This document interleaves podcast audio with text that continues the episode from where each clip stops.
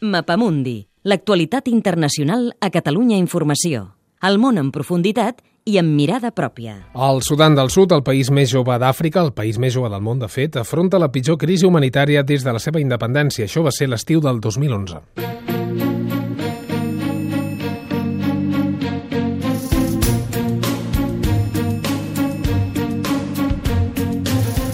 El detonant ha estat la lluita interètnica i pel poder entre els partidaris i detractors de l'home fort del país. El president Salva Kiir, a finals de gener, es va firmar un alto al foc a Etiòpia, però l'alerta continua. 800.000 persones estan desplaçades i el país està abocat a una crisi alimentària. Avui obrim el mapamundi endinsant-nos en la situació del Sudan del Sud, una zona del planeta castigada per la guerra des de fa dècades, i en parlarem amb Ferran Puig, que és el responsable d'Oxfam Intermón al país. Cèlia Cernades, molt bona tarda. Bona tarda, David. Abans de res, fem un primer cop d'ull ràpid al país.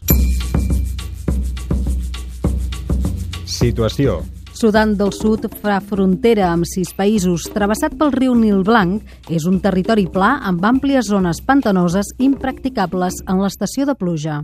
Interès geoestratègic. Abundància de petroli, tot i que el Sudan del Sud no té les infraestructures ni la tecnologia per processar-lo. Població. A diferència del nord de majoria àrab, els sud-sudanesos són negres, segueixen religions tradicionals o cristianes, es dediquen a l'agricultura de subsistència i la ramaderia, gran diversitat ètnica. Els grups majoritaris són els dinques, un 40% de la població, i els nuers, un 20%.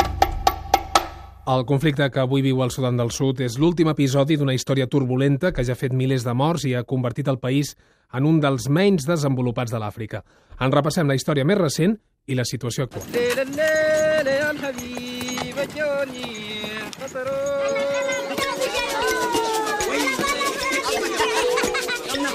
Com es va independitzar el Sudan del Sud? El Sudan del Sud es va convertir en un nou estat amb el referèndum d'independència del 9 de juliol del 2011. Va ser el colofó d'una història convulsa, marcada per 22 anys de guerra civil entre el nord i el sud, que va fer milió i mig de morts i 4 milions de desplaçats.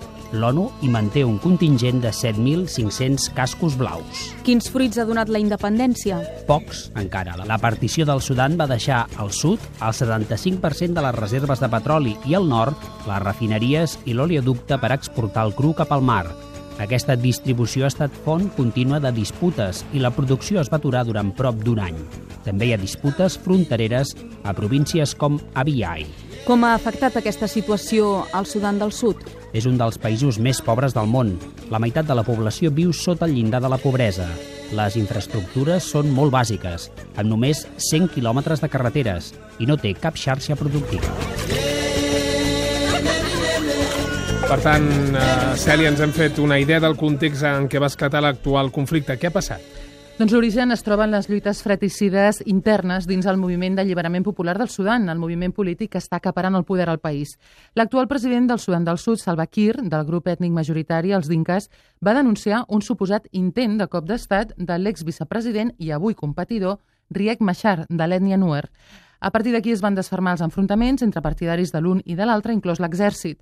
I al marge de l'actual crisi humanitària, de la qual en parlarem de seguida, testimonis presencials han denunciat massacres i atrocitats a ciutats com Juba o Bor. Sobre la situació al Sudan del Sud, la Cèlia n'ha parlat amb Ferran Puig, és director d'Oxfam Intermón al país des de fa dos anys. Senyor Puig, s'ha firmat un alto al foc, però encara és molt fràgil a les províncies més afectades pels combats, com ara Unity o Yonglei.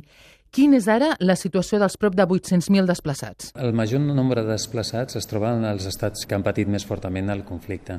Són estats que encara, ara, a dia d'avui, encara que hi hagi l'alto al foc, hi ha molta tensió i doncs, aquesta gent, de moment, l'accés humanitari no, no és garantit. Hi ha altres que estan a zones més accessibles, amb les quals sí que estem responent, vale? que estan als estats de l'Eix o de Central Equatòria, que estan en situació de, de tranquil·litat i aquí sí que podem donar resposta.